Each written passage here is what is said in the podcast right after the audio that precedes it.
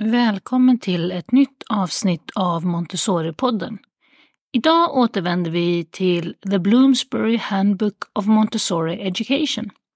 Jag har samtalat med Ela Eckert och Per Günther om deras respektive kapitel av boken. Per har skrivit om den lilla, lilla boken The Child, Society and the World, Unpublished Speeches and Writings och ger oss lite inblick i varför man ska läsa den här lilla boken. Och Ela i sin tur har skrivit om Montessori-pedagogiken och tonåringarna och berättar om detta spännande ämne. Jag heter Maria Schacki och gör denna podd för Montessori Sverige. God lyssning!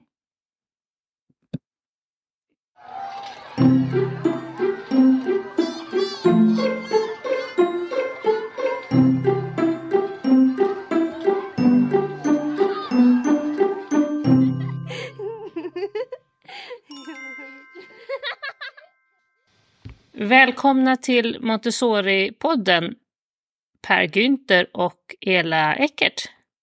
Tack. Tack så mycket. Vi ska fortsätta idag att prata om den här fantastiskt stora boken, The Bloomsbury Handbook of Montessori Education, där ni två har med varsitt bidrag. Men innan vi går in på det så tänker jag att ni ska få presentera er själva. Ela, du är ju helt ny för Montessori-poddens lyssnare. Vem är du? Ja, jag har varit involverad i Montessori-pedagogiken sedan väldigt lång tid tillbaks. Sedan min son var tre år gammal och nu är han snart 40. Och det har varit spännande hela tiden på alla sätt. Jag har bland annat eh, byggt upp tillsammans med kollegor en Montessori-skola, grundskola i Uppsala på 90-talet och jobbat där. Mm, sen har jag då eh, ja, jobbat mycket inom, och det gör jag än, i styrelsen för Tyska Montessoriförbundet. där jag mest har hand om eh, det här med utgivning av vår Montessori-tidskrift, Das Kind, men även andra publikationer. Och uh, har varit intresserad av ja, väldigt många olika aspekter. Och bland annat om det här Montessori för ungdomar, som är en mm. väldigt spännande del av denna pedagogik. Ja, mm. alla delar är spännande men det här tycker jag är eh, någonting som eh, ofta också ledde till missförstånd så jag tyckte det var viktigt. Och jag jobbar med olika kurser med Montessori-teori eh, på tyska Montessori-kurser. Och din avhandling nämnde du förut när vi pratade innan. Vad handlar den om? Den handlar om hur det här konceptet om uh, cosmic education uppstod. För det fanns så många missförstånd på det också på den tiden, på 90-talet. Um, ehm, och då tyckte jag att jag måste liksom, ja, uh, börja gräva i det där. Och när jag började så visste jag inte att det hela skulle sluta i Indien, för det var där som det konceptet mm. i sin konkreta form kom till. Och det blev en väldigt spännande forskning. Men den boken finns på tyska, den existerar inte på engelska. Det låter, låter, nästan som, äh, låter nästan som ett ämne för en egen liten Montessori-podd. Definitivt. Någon gång lite senare tycker jag. Ja. Kanske en annan gång. Oh, exakt. Per, du har ju varit med i Montessori-podden tidigare, men jag tänker att vi kör en liten presentation av dig också. Vem är du? Mm. Ehm, ja, jag heter ju Per Günther. Ehm, jag har också ehm, som Ela en ganska lång bakgrund inom Montessori-pedagogiken. Jag har ju dels arbetat som Montessori-lärare och varit med och byggt upp en verksamhet från årskurs 1 till 9 i Stockholm. men sen under då de senaste, vad det nu blir, 20 åren eller 23 tror jag att det är nu har jag ju arbetat dels på Lärarhögskolan i Stockholm och numera då på Stockholms universitet och då tillsammans med Eva-Maria Ahlqvist som också är med i podden, höll på att säga. Eh, har ju vi ansvarat för de kurser som vi nu då ger på Stockholms universitet i Montessori-pedagogik. Sen arbetar jag med andra kurser också inom lärarutbildningen och så vidare. Och sen bedriver mm. jag ju forskning då, i mitt arbete. Jag både undervisar och forskar.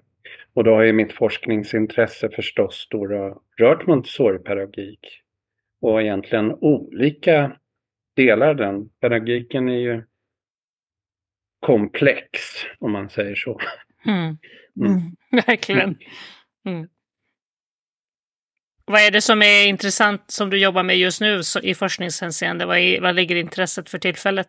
Nu ligger det ganska nära, eh, eller det jag har varit involverad i nu är väldigt nära så att säga den praktiska tillämpningen.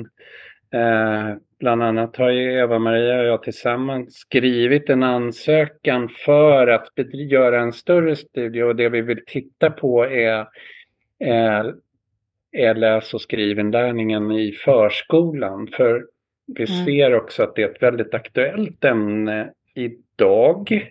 Verkligen. I samband med den debatt som bland annat råder, det har ju skrivits väldigt mycket i, i dagstidningar och så vidare kring det här användandet av digitala verktyg. Mm. Eh, mm. Barn skriver inte idag med papper och penna som vi gjorde när vi gick i skolan som unga.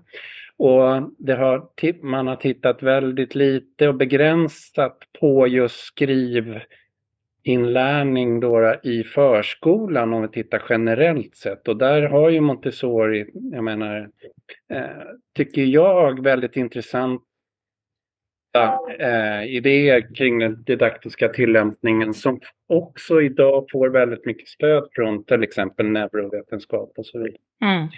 Så det Spännande. är det som ja, ligger i fatet just nu, bland annat. Mm. Mm, låter jätteintressant. Mm. Men idag ska vi prata om den här tjocka boken på över 600 sidor, The Bloomsbury Handbook of Montessori Education. Och som vi diskuterade i förra avsnittet så beskrev ju Eva-Maria hur den är upplagd med ett antal olika delar. Och när vi kommer till del två som heter The Key Writings of Maria Montessori, där man i ett antal kapitel går igenom de olika böckerna och olika skrifterna av Maria Montessori då. Så Per, har du ett kapitel där med titeln The Child Society and the World, Unpublished Speeches and Writings. Vad handlar det kapitlet om? ja, det är en bra fråga. Eh, det handlar väldigt mycket. Eh, den här boken är ju eh, spännande tycker jag i flera avseenden. Dels, man kan uppfatta den som väldigt spretig. Eh, skulle jag, eh, jag tror att jag har skrivit det också när jag liksom beskriver boken. För det här är ju en bok som framförallt Alltså innehållet i den bygger ju på ett antal föreläsningar framförallt som Maria Montessori höll.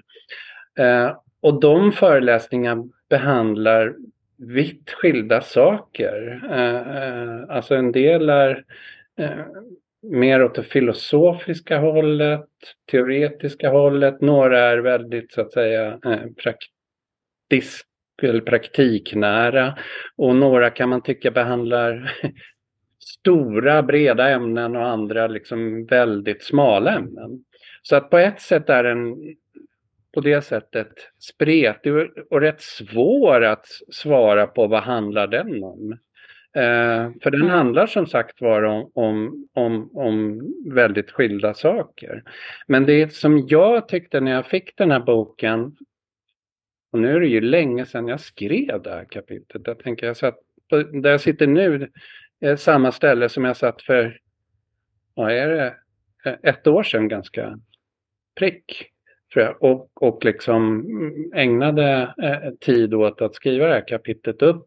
Då upplevde jag själv att det här blir inte, det här blir liksom en utmaning. Mm. mm. Var ska jag liksom lägga fokuset? För att, för att eh, jag kan säga liksom de instruktioner jag fick, det var ju på något sätt att beskriva bokens innehåll men också försöka liksom att eh, i, i, i någon mån diskutera den, bara liksom titta på liksom, är det här saker som Maria Montessori har skrivit om på andra ställen och liksom eh, eh hur kan man se på delar av, av det hon säger när det liksom en, ett en viss mått, av, visst mått av tolkning. Men det intressanta tycker jag egentligen med boken det är ju att de här för, alltså föreläsningarna som Montessori höll, de, de flesta av dem höll hon ju i senare delen av hennes liv. Alltså det här är, innehållet i boken täcker föreläsningar från 1930 fram till 1951 och de flesta ligger liksom på 40-talet. Eh, då. Och det i sig är intressant för att som läsare av den här boken då får man ju dels får man en en uppfattning om hur Maria Montessori muntligen presenterade delar men också liksom hur de presenterade delar i ett senare skede av hennes liv. Och det här... För, för, för, för visst är det så att de flesta, eller många av de här böckerna, framförallt de här mindre böckerna och så, det är ju inte riktigt så att hon har suttit sig, satt sig ner och skrivit en bok, utan det är precis som du säger, det är föreläsningar mm. som hon har givit och ibland är det hon som kanske har utvecklat dem till en skrift och ibland är det kanske andra egentligen som har utvecklat det hela till någon slags skrift, eller hur? I det här fallet är det i, i, i, i liksom huvudsakligen eh, andra. Eh, mm. Det bygger på alltså dels föreläsningsanteckningar eh, som Maria Montessori finns det några så att säga som man har, har då använt sig av. Men hennes, hennes ju, egna stödanteckningar. Ja, ja. Framförallt är det ju liksom transkriberingar som eh, åhörare har gjort av mm. föreläsningar. Och det är ju då åhörare som inte vilka, vilka som helst då, utan det är ju framförallt det är ju personer som har stått Maria Montessori nära och haft ett samarbete i många fall och så vidare. Ibland är det hennes son. Alltså det, det, det är personer mm. som är liksom i, i, när, i kretsen runt Maria Montessori som har liksom eh, eh, gjort de här eh, kapitlen eller skrivit ner dem. Sen är de ju dessutom då översatta. Eh, ibland, höll jag på att säga flera gånger, Maria Montessori föreläste ju på italienska. Och sen är det mm.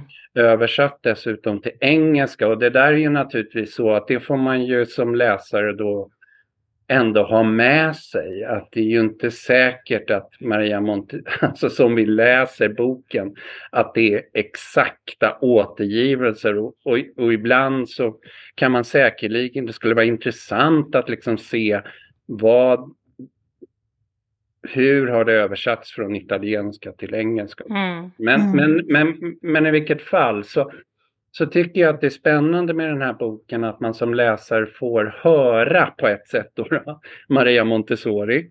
Eh, mm. Där de talar om då, då skilda ämnen som flera av dem också har varit, upplever jag, eller har varit sådana områden som har diskuterats mycket i Montessori-världen. Det rör sådana saker som exempelvis så, har, eh, eh, så kan man ju läsa om hur de ser på fantasi och de ser på sagor som ett område som liksom har diskuterats. Lärarrollen i Montessori-pedagogiken som också har varit omdiskuterad.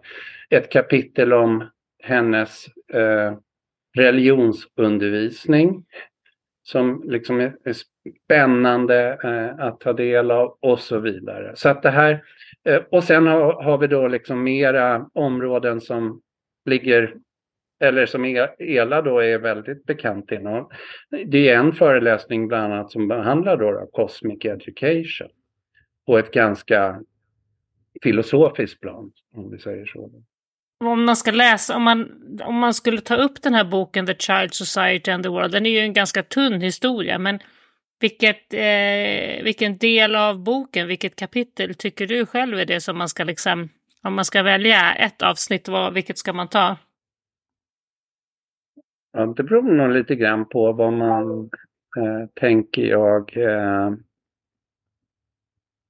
ens bakgrund själv, liksom hur, hur bekant man är med Montessori-pedagogiken, hur mycket man har läst om Maria Montessori och så vidare. Om man är intresserad just av att få en liksom, bild av eh, pedagogikens tillämpning eller om man är intresserad mer av hennes eh, vetenskapliga skolning och sådana frågor. Så att den frågan tycker jag är svår, men man får en ganska... Mm. Alltså jag, jag, kan inte säga vilken del eh, som är liksom intressantast. Men, men jag kan nämna som ett exempel, det finns eh, eh, en föreläsning som, är, eh, som återges då som handlar om eh, eh, på engelska The Lesson on Silence, alltså lektionen om tystnad eller hur vi nu skulle översätta det.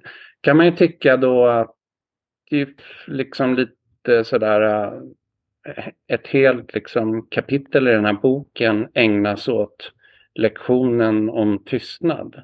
Men den kan man läsa, alltså den kan man läsa på ett sätt på ur ett liksom mera eh, nästan antropologiskt eller eh, filosofiskt plan där, liksom man, där man får en inblick i på något sätt varför Maria Montessori gav tystnad, alltså hon gav ju människans behov av tystnad en, en väldigt stor plats. Men man kan också läsa det om det kapitlet att lite se hur Maria Montessori gick från en väldigt liksom vetenskaplig metod som var grundad i medicin och liksom mot det här positivistiska hållet mer mot att liksom komplettera hennes liksom eh, ska vi säga, medicinska studier med också filosofisk reflektion och observation. Då. Alltså att den här liksom, kapitlen kan nog läsas på lite olika sätt, tänker jag, beroende på ens intresse. Eh, men delar, alltså på ett sätt så blir de också, alltså då har jag försökt att lite grann beskriva om man är intresserad av det här så kan man liksom, har jag pekat på, kan man läsa mer om det i den här boken och så vidare. Och en del saker här är ju liksom mycket av, eh, blir ju upprepande på ett sätt. Då. Man kan läsa om samma sak i flera av Maria Montsoris, eller där hon står som författare till boken. Så att eh, jag vet inte, det var, det var kanske ett luddigt mm. svar på din fråga. Eh, eh, men det, jag, jag kommer ihåg, eh, jag sitter och bläddrar i den här och då kommer jag på att jag vet att det är en sak som står i just den här boken som står supertydligt här som man egentligen kanske inte riktigt hittar fullt så jättetydligt någon annanstans och det är det här om åldersblandningen. Mm. Det, där, där, det, det, är liksom ett av de få ställen där hon verkligen sätter ner foten och säger är det ingen åldersblandning så kan ni kalla det vad ni vill men det är inte Montessori-metoden. Mm. Mm. Jo, men, Eller hur? Ja, men det är ju riktigt. För hon har ju eh, alltså under ett tema då som heter Recurring Themes. Det är den, han som var den, liksom, eh, redaktör för boken när den först kom ut, för den kom ju först ut i en, en tysk eh, utgåva. Eh, mm. Och då skapade han ju så att säga som redaktör delade in de här olika delarna i teman och då är liksom ett tema som man kallar recurring themes. Då, då. Och där kan man bland annat läsa det du säger och där beskriver hon också eh, ganska svepande men ändå lite sådär hur många elever det bör finnas i mm. verksamheten och så vidare. Då, då. Eh, och sådana saker och, och, och, det är naturligtvis eh, ja, väldigt intressant. Ja. Ja, nej, jag, jag, jag, vet att jag ibland plockat fram det här när, när man har diskuterat det här och, och, att det här nog är verkligen... Det finns inte så mycket utrymme för tolkningar där, för där är hon ju jättetydlig med att ja, mm. ni kan ju göra hur ni vill, men har ni inte åldersblandning så är det ju inte det här liksom. Och det tycker jag är ganska så men det, stod, men det är intressant också att det står inte på så många andra ställen utan det är här det återfinns. Jag vet inte om det var för att hon tyckte att det var så självklart eller varför det inte riktigt återfinns på så mycket andra ställen. Och det du säger kan man också sätta i relation, för det tycker jag också är intressant del i den här boken, det som när hon beskriver eh, under rubriken Social Education. Så mm. liksom social fostran eller utbildning eller vad vi nu ska kalla det. Där skriver hon ju, det kapitlet tycker jag väldigt, liksom är väldigt bra för det går också i polemik lite grann mot den kritik som har riktats mot Montessori-pedagogiken att den skulle liksom vara individuell och fostra, liksom, inte fostra för liksom en social fostran. Och där, det är hon ju väldigt tydlig med de här delarna. Eh, att det handlar väldigt mycket om att fostra, liksom, skapa förutsättningar för samarbete och tolerans och så vidare. Och då knyter hon an de här delarna som du säger, liksom praktiska eh, rekommendationer om vi säger så, med mm. åldersblandning och sådana saker. Att det liksom skapar förutsättningar just för detta. Men liksom här blir det en betoning på att eh, eh, eh det är så att säga en, också en eh, vad säger man, ja en social fostran eller liksom Mm. En kollektiv miljö, om vi säger så. Som, som, som barnen har ett gemensamt ansvar för, var och en. Och, liksom, och det tycker jag blir tydligt i den här delen. Så att många delar är liksom väldigt aktuella på ett sätt. Väldigt mm. liksom, in, liksom relevanta och intressanta.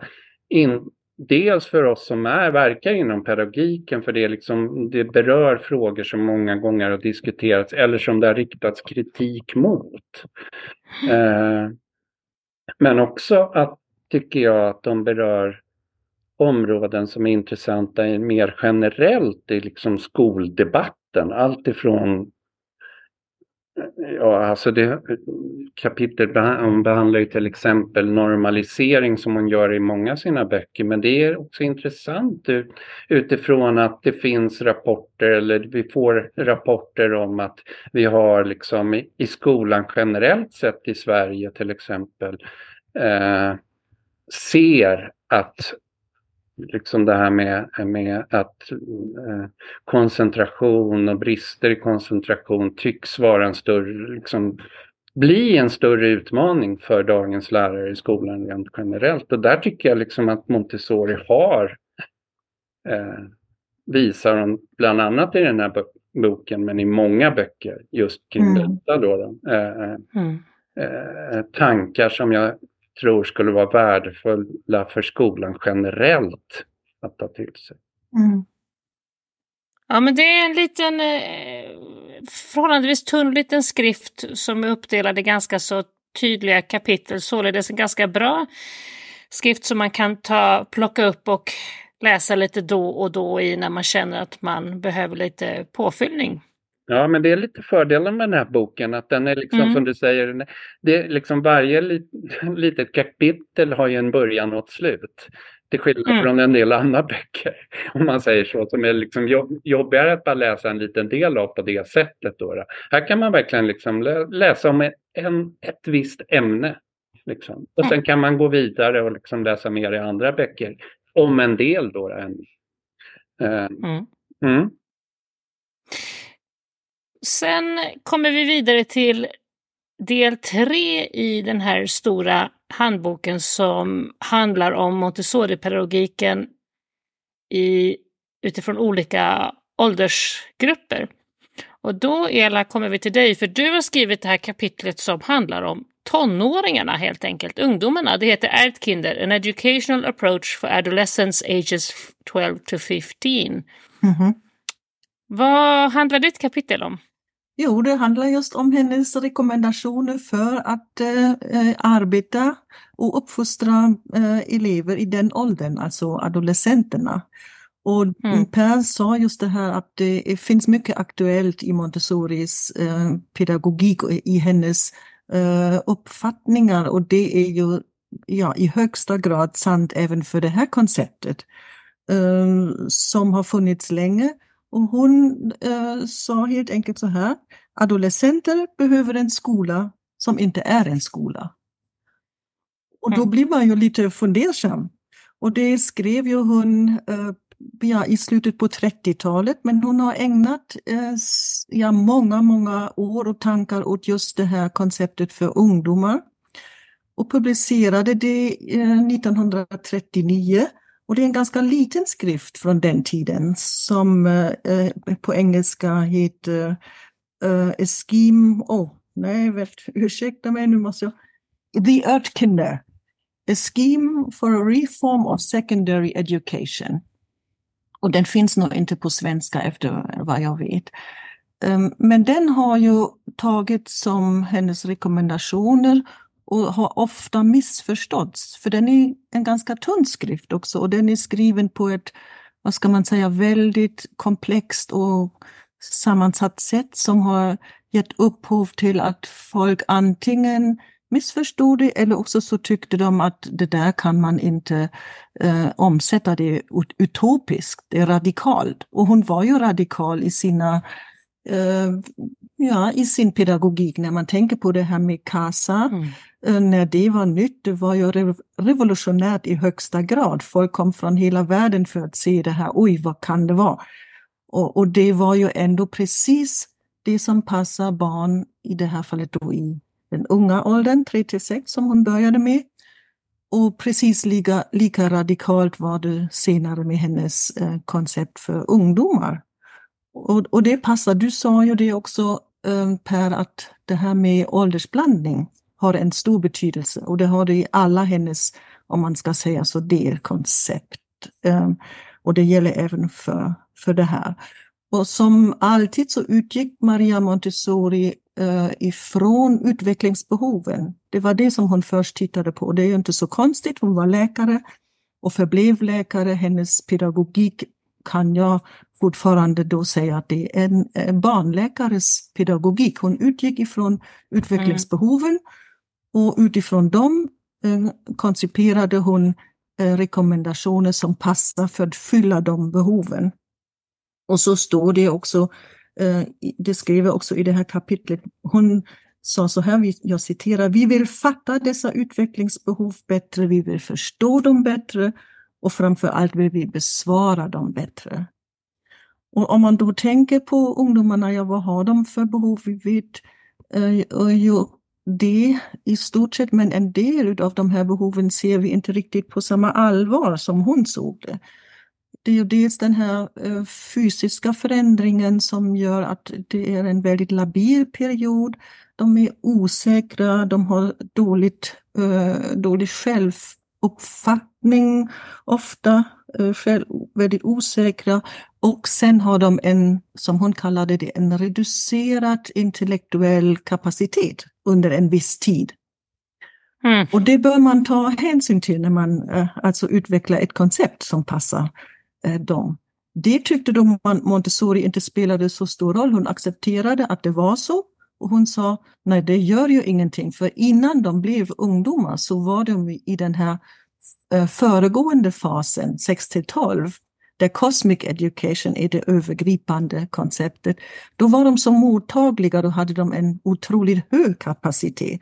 Och då sa, eller, ja, konstaterade hon, och där man alltså tillämpar Montessori verkligen på allvar, så ser man ju det också. Då är de otroligt mottagliga och kan lära sig mycket utöver det som man i vanliga fall lär sig under de åren.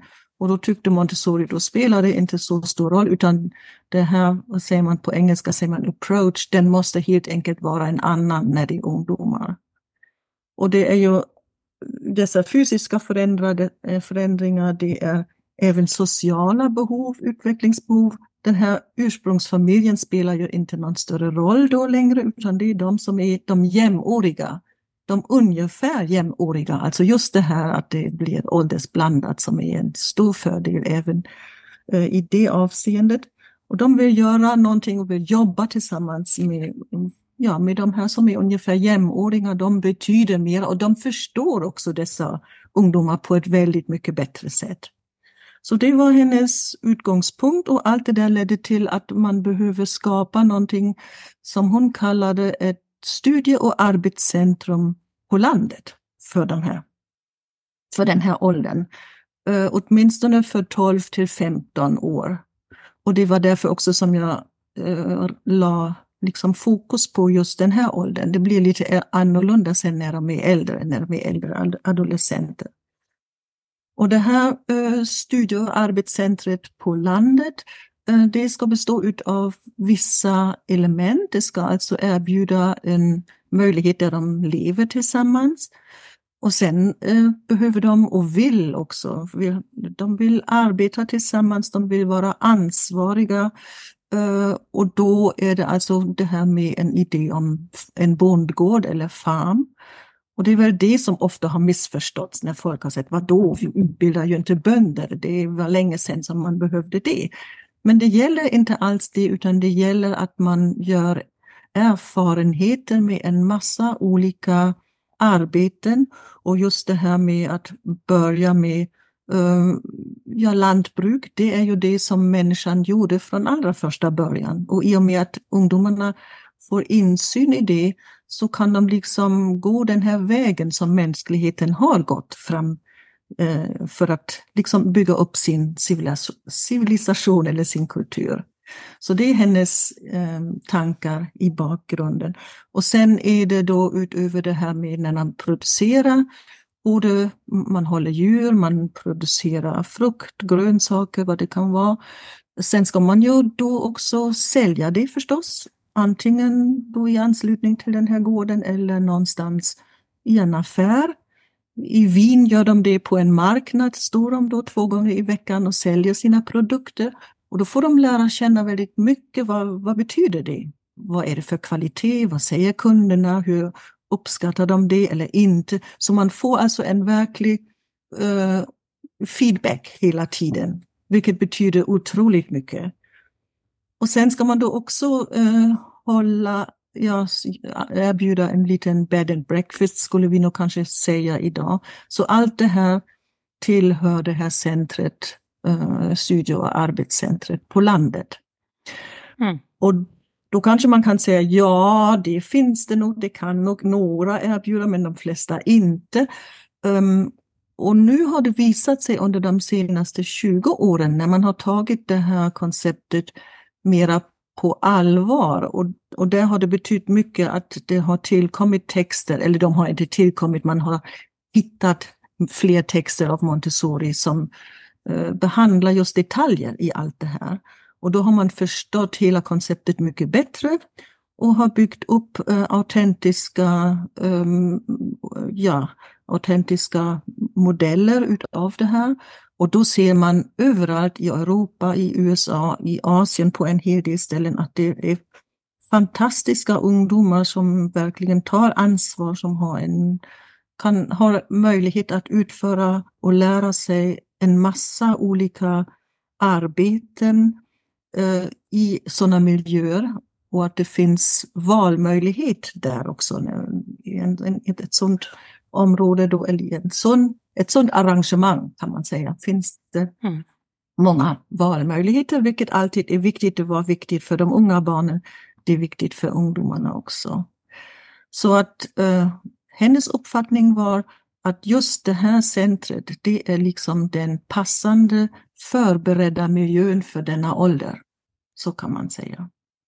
Är det så att jag kommer ihåg att jag fick lära mig, men för länge sedan då, att Maria Montessori hade skrivit en del och tänkt en grej kring det här, men att hon inte riktigt hann färdigt och att det sen är Mario Montessori som har tagit vidare och vidareutvecklat. Stämmer det eller det är liksom en gammal myt? Nej, det är faktiskt sant. Hon har ju inte kunnat, alltså hon sysslade med det lite till och från under flera årtionden kan man säga. Men sen var ju livet för henne så att hon Eh, ja, hon var ju liksom på resande fot hela tiden om man ska kalla det så. Och, och aldrig på en plats för att verkligen Eh, kunna utveckla det i detalj. Det finns ingen detaljutveckling utan det är hennes rekommendationer.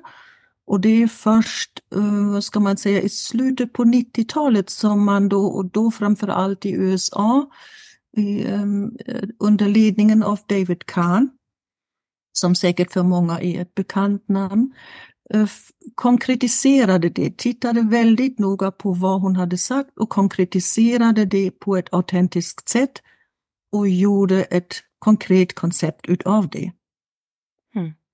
Så, eh, så det stämmer, men numera så är det ett accepterat koncept som tillämpas och det finns ju en, eh, en diplomutbildning också, AMI, AMI diplomutbildning för 12 till 18, där man kan lära sig hur det här konceptet ska fungera i praktiken. Mm.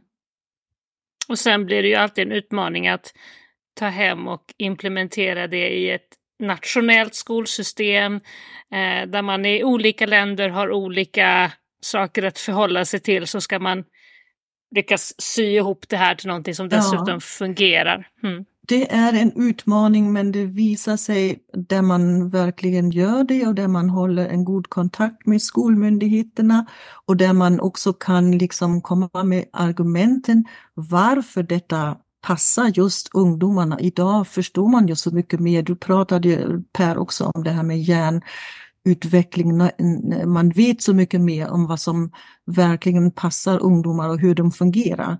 Och då, ehm, då vet man också att det här är verkligen någonting som eh, passar. Och jag tror, eller det är min erfarenhet, nu har jag med detta koncept inte jobbat här i Sverige utan det var mest i Tyskland och jag har kontakt till många eh, som omsätter det här systemet numera, eller den, den här modellen, att om man verkligen vill och eh, söker en bra kontakt så går det att, ehm, att implementera det på ett bra sätt. Mm. Jag vet många exempel och ähm, ja, tänker på både Wien, på Berlin, på, det finns en fantastisk omsättning på Filippinerna där jag har varit och forskat kring det här. Och sen förstås i USA, Mexiko har också det. Så det, jag tror att acceptansen blir mer, uh, mer och mer, ja, inte självklar, men ja, det blir, det är inte så svårt. Man kan om man verkligen vill. Och sen tycker jag man måste också säga att nu är det ju långt ifrån alla som verkligen kan um, bygga upp en sån här farmskolmiljö så som den egentligen är tänkt av Montessori. Och kan man inte det så finns det alltid möjligheter att inom en skola söka efter eh, möjligheter att, att omsätta elementen, till exempel ähm, Göttingen i Montessori-skolan Göttingen där jag har mycket, mycket kontakt. Och där har de en, en stadsskola kan man säga för Montessori, men inte det som Montessori menade för ungdomarna. Men de försöker se vad är det som är ingrediensen och då har de till exempel sagt ja det som är allra viktigast är att ungdomarna lagar mat tillsammans. Så då måste man bygga kök, då måste man liksom implementera den delen. Och då kom, de kan och vill visserligen städa hela sin avdelning i det huset själva. Och, och då kan man börja med sådana ganska, vad ska mm. man säga, enkla möjligheter och sen från det ser man mer och mer utav vad som kan omsättas. Det viktiga tycker jag är att man i bakhuvudet hela tiden har vad är Montessoris intentioner egentligen med det här och att man mm. eh, lyfter fram det och sen försöker omsätta det. Och numera så finns det ju tack vare Zoom och andra möjligheter så finns det ju ett utbyte mellan de här farm school eh, implementations Eh, det finns i, i många länder i, i, Europa nu för tiden och de har en väldigt fin, ja, ett väldigt fint ut, utbyte bland lärare, bland eh, adolescenter som också hjälper till att det blir liksom etablerat på ett allt mer autentiskt sätt. Jag tycker att det betyder mycket. Mm. Jag tänkte Ela, du, sen finns det en del i boken som handlar om Montessori över hela världen och du har ju inte skrivit kapitlet om Tyskland. Men eftersom du är engagerad lite grann i Montessoriförbundet i Tyskland så tänkte jag om, var lite nyfiken på om du kunde säga någonting kort om situationen för Montessori-pedagogiken i Tyskland. Hur är läget där? Bara, bara kort. Ett stort kapitel egentligen. I Tyskland finns det som i en del andra länder finns det flera organisationer som erbjuder Montessori utbildningar, Montessori-pedagogik. Um, och det är ju det här med att jag erbjuder Montessori i skolorna, det är ju en nisch som det är överallt, eller hur? Det är det här i Sverige också. Och det finns vissa eh, delar av landet där det, är, där det finns mer, eh, till exempel i Bayern, södra Tyskland. Sen finns det mycket i Frankfurt och omkring, i Berlin och omkring. Så att det är, eh, ja, det är, vad ska man säga, det är det borde finnas mycket, mycket mer, men numera så finns det ju Montessori Deutschland och där är han som är liksom ordförande, det är Jörg Beusen som skrev det här kapitlet om situationen i Tyskland. Och numera så finns det verkligen en strävan mot att, um, ja, att utvidga det, att liksom uh, förankra det på ett mycket bättre sätt bland skolmyndigheter och så vidare. Svårigheten i Tyskland ligger ju också i att det finns de här 16 olika delstaterna och att skolsystemet fungerar lite olika i de olika delstaterna. Mm, så det är, det är ett stort kapitel, kanske till någon annan, mm. till någon annan gång. Ja. Ja, jag, jag, kan väl säga så här eftersom jag tyckte det var så spännande och eftersom det var ändå så många missförstånd. Jag har ju åkt runt mycket och kollat hur ser det ut med Montessori eh, adolescent eller ja, utbildning, nej, Montessori skolor för högstadiet och därutöver i olika länder och vad gör man? Och då såg jag att det är ju väldigt, väldigt olika.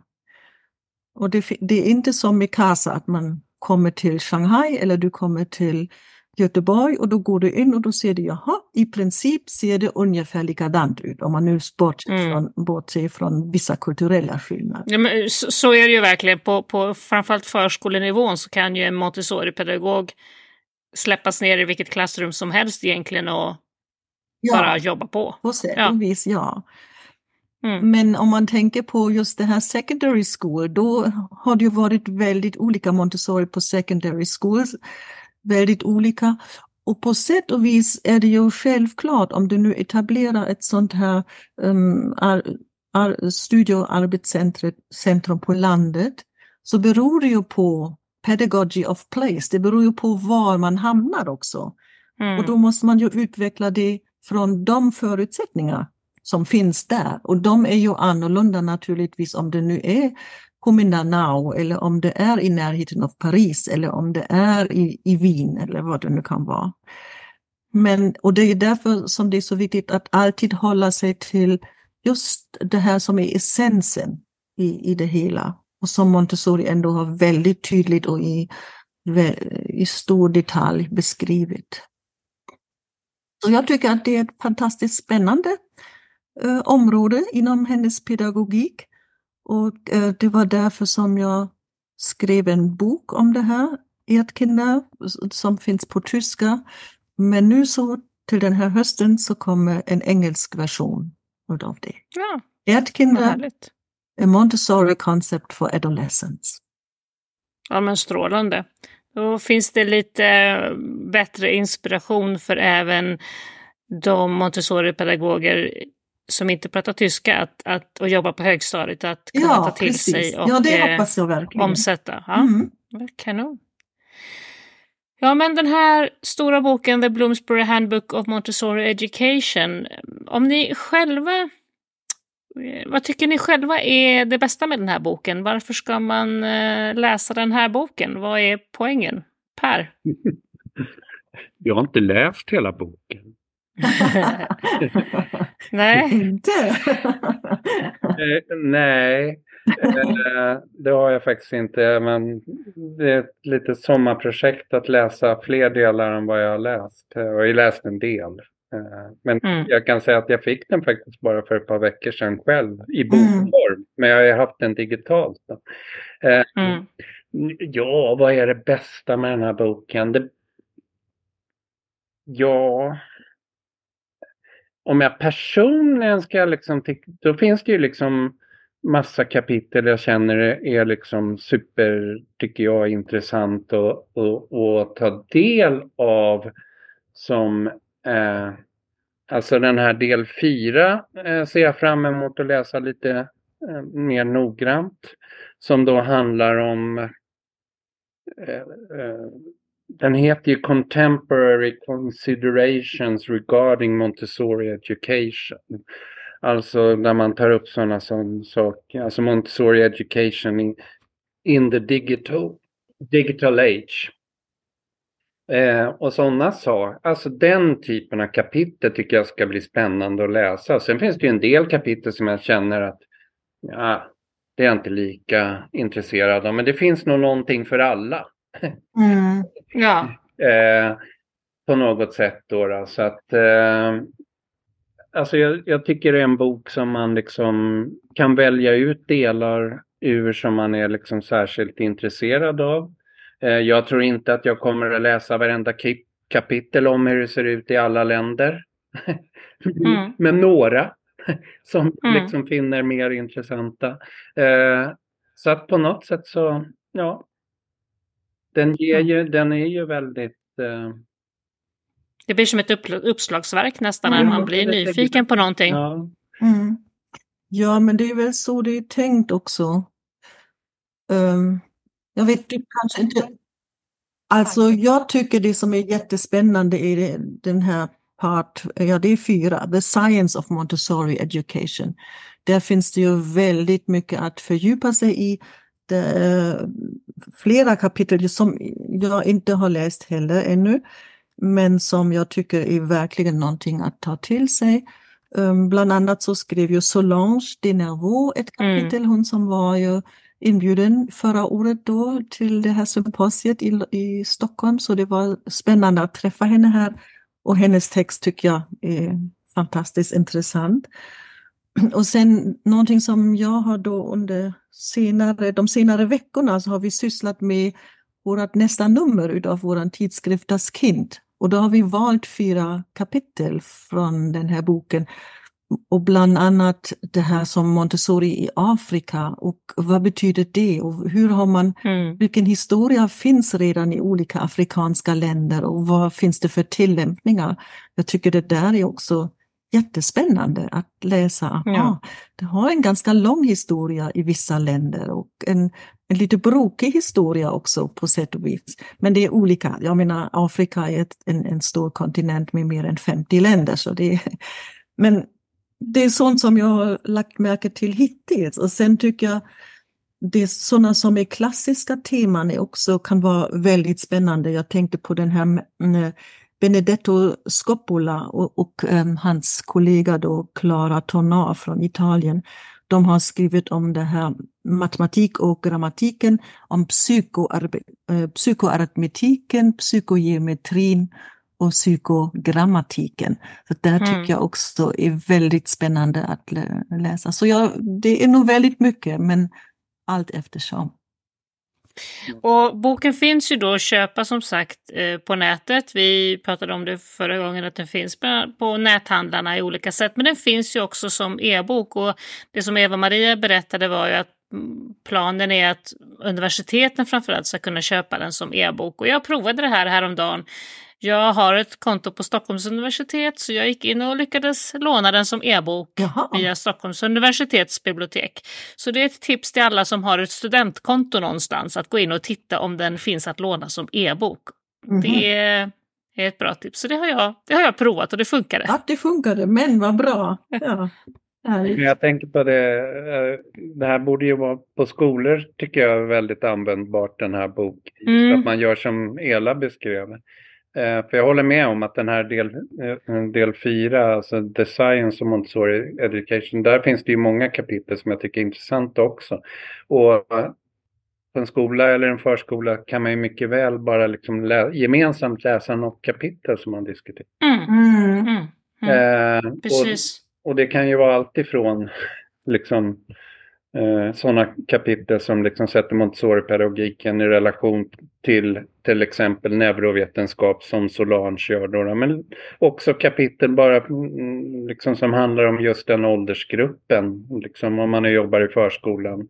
Ja, då har vi ju kapitel om åldern 3 till 6 år och så vidare. Mm. Mm. Jag tror på något sätt att eh, för det är ändå nutida eh, beskrivningar av Montessori. Alltså det är på något sätt så innehåller ju de här texterna eh, det, de är skrivna utifrån liksom dagens, eller liksom där vi står idag. Mm. Så, så, så är det ju liksom eh, eh, inbegripet med viss form av tolkning och det tycker jag liksom är spännande. Även om det här inte är liksom uttalat liksom tolkande texter. Men, det, men på ett sätt så blir det ju delvis så. Mm. Mm. Så det tycker jag är spännande. Så att jag tror den är väldigt, alltså ett, ett sånt här konto om man nu på en skola eller en förskola kan ha eh, tillgång till exempel så att pedagogerna kan eh, ta del av den som e-bok. För annars blir den ju väldigt dyr att köpa in liksom, om Mm. klar. Så tror jag det är en framgångsrik väg. Mm. Mm. Någonting som säkert också är väldigt aktuellt för många, det är det här med pluri eller multilingualism. Där finns det också flera det. kapitel i boken så att det kan Mm. jag tänka mig att eh, det är läsvärt för, för många. Mm. Säkert. Okej. Ja, men tack så jättemycket Per och Ela för att ni ville fortsätta berätta om boken The Bloomsbury Handbook of Montessori Education. Tack så mycket att jag Tack fick komma Ja, tack för att man fick vara med.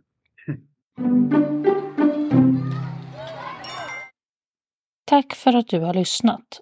Montessori-podden produceras för Montessori förskolor och skolor i Sverige AB. Du kan läsa mer om oss på www.montessorisverige.se. När du har lyssnat, ge gärna podden ett betyg i din poddspelare och glöm inte att följa Montessori-podden på Facebook eller Instagram.